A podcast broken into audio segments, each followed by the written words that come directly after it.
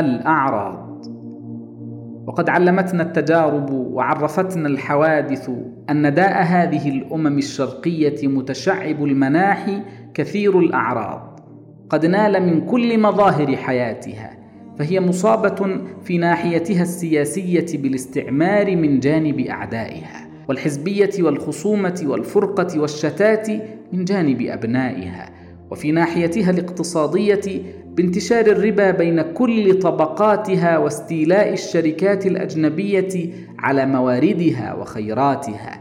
وهي مصابة من الناحية الفكرية بالفوضى والمروق والإلحاد يهدم عقائدها ويحطم المثل العليا في نفوس أبنائها. وفي ناحيتها الاجتماعية بالإباحية في عاداتها وأخلاقها والتحلل من عقدة الفضائل التي ورثتها عن الغر الميامين من أسلافها وبالتقليد الغربي يسري في مناحي حياتها سريان لعاب الأفاعي فيسمم دماءها ويعكر صفو هنائها.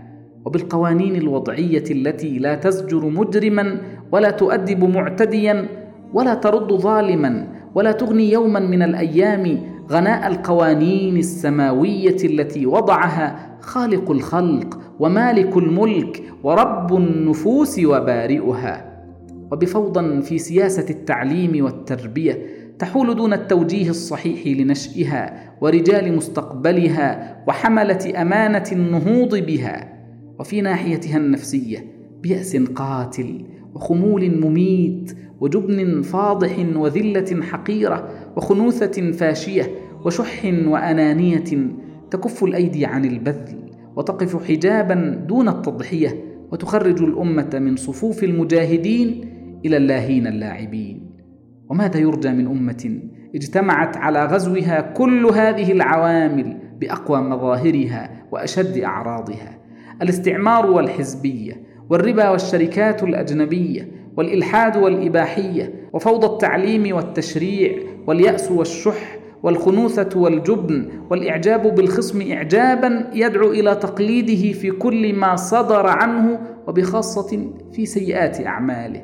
إن داء واحدا من هذه الأدواء يكفي لقتل أمم متظاهرة فكيف وقد تفشت جميعا في كل أمة على حدة؟ لولا مناعة وحصانة وجلادة وشدة في هذه الأمم الشرقية التي جاذبها خصومها حبل العداء من بعيد ودأبوا على تلقيحها بجراثيم هذه الأمراض زمنا طويلا حتى باضت وأفرخت.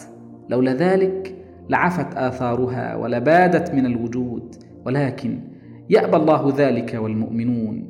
يا أخي هذا هو التشخيص الذي يلمسه الإخوان في أمراض هذه الأمة وهذا هو الذي يعملون في سبيل أن يبرئها منه ويعيد إليها ما فقدت من صحة وشباب.